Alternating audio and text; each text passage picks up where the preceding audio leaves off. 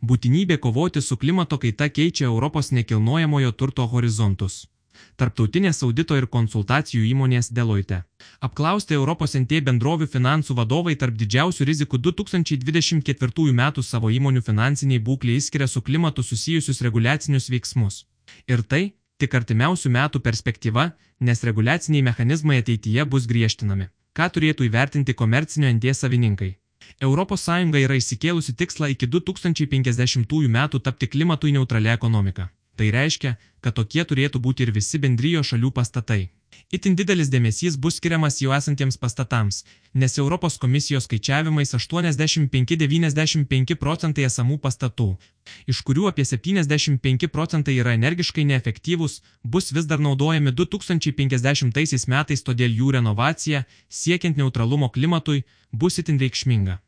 Pasaulio žalių pastatų tarybos duomenimis, NT sritis yra atsakinga už 39 procentus pasaulinių anglies dvideginio CO2 emisijų, kurių didžioji dalis susidaro pastatus eksploatuojant šildant, vėsinant. Vėdinant ir PN. Dėl to manoma, kad NT sektorius turi didelį CO2 emisijų mažinimo potencialą ir sektoriaus energinis efektyvumas yra po padidinamojų stiklų - reguliavimas ir per didžiausius finansuotojus.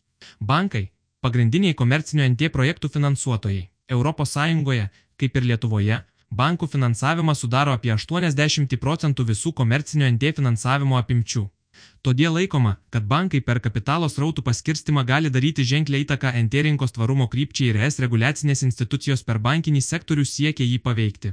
Šiemet bankams Lietuvoje tapo privalomas klientų SG NGL, Environmental, Social, Governance rizikų vertinimas kreditavimo procese.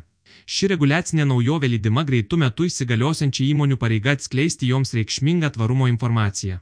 NT valdytojams tai, visų pirma, reiškia įvairius aplinkosauginius tvarumo rodiklius ir ypatingai - energinį efektyvumą. Dėl šios reguliacijos klientų SG rizikos tampa bankų kredito rizikomis, kas papildomai daro įtaką finansuojamų NT projektų vertinimui bei pasirinkimui. Bankams ir turto savininkams energiškai neefektyvūs pastatai reiškia padidintą likvidumo riziką, nes lieka tik laiko klausimas, kada ir kokie pastatai susidurs su disponavimo ribojimais ES. Pavyzdžiui, kai kurios Europos valstybės jau taiko tiesioginius komercinio NT disponavimo ribojimus žemiausios energinės klasės pastatams. Olandijoje, Škotijoje ir Anglijoje jau šiuo metu yra draudžiama nuomoti pastatus, kurie netitinka tam tikros energinės klasės.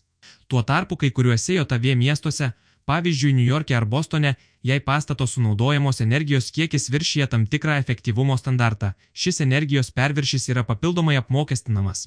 ES teisės aktų leidėjai taip pat jau yra parengę ir greitų metų turėtų priimti pastatų energinio naudingumo direktyvos atnaujinimus, kuriuose numatoma nuo 2027 metų įvesti minimalius energinio naudingumo reikalavimus prašiausios energinės klasės pastatams, kad būtų paskatintas spartesnė energiškai prašiausių pastatų renovacija finansų institucijų atsakomybė ir tikslai. Patys bankai, puoselėdami lyderystę tvarumo srityje bei atsižvelgdami į reguliacinius mechanizmus, yra išsikėlę ir savus poveikio klimato kaitai mažinimo tikslus. Pavyzdžiui, Svetbank siekia tapti klimatui neutraliu iki 2050 metų, todėl palaipsniui mažiname savo tiesioginį bei netiesioginį poveikį aplinkai. Viena iš netiesioginio poveikio aplinkai dedamųjų - banko finansuojamo komercinio NT emisijos kvadratiniam metrui.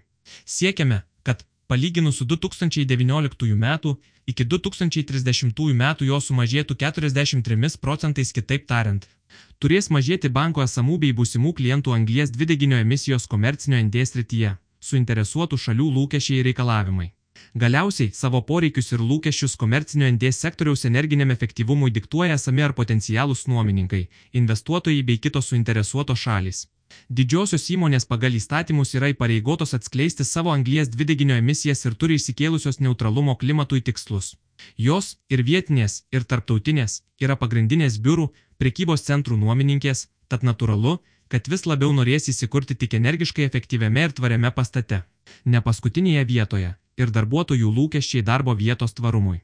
Štai, pavyzdžiui, Kompanijos IBM verslo vertės instituto apklausa parodė, kad net 68 procentai darbuotojų yra labiau linkę priimti darbo pasiūlymą iš tvarių įmonių. Ta darbuotojų lūkesčiai irgi daro įtaką sprendimui, kuriame pastate įsikurs įmonės biuras ar prekybos erdvė. Tarptautiniai investuotojai ateityje irgi koncentruosis iš esmė tik į energiškai tvarius pastatus.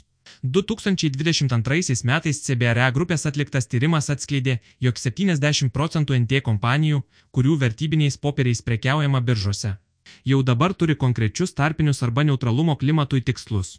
Šių kompanijų bendra rinkos kapitalizacija viršyje 5 trilijonus JAV dolerių. Tad akivaizdu, kad ir didieji investuotojų pinigų srautai kryps būtent į energiškai efektyvių pastatų įsigijimą.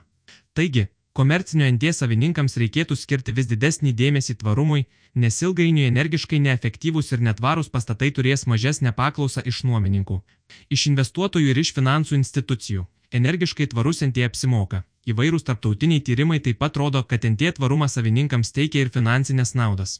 2018 metai Bėdalton Refuerst atlikta studija, apibendrinanti 42 tvaraus NT tyrimus, parodė, kad pastatuose, turinčiuose NT tvarumo sertifikatus pavyzdžiui, BREM, LED. Vidutiniškai nuomos kaina yra 5,4 procentai didesnė, o nekilnojamojo turto vertė 11,5 procentų kitas. 2022 metai įmonės Jotelel atliktas biurų Londono centre tyrimas rodo, jog kiekvienas aukštesnis pastato energinio naudingumo sertifikato laiptelis lemia 4,2 procentai didesnę nuomos bei 3,7 procentai NT vertę. Be kitų priežasčių, Ta lemia ir dėl pastato efektyvumo mažesni komunaliniai kaštai, kurių sutaupimo naudą pasidalina pastato savininkas ir nuomininkas.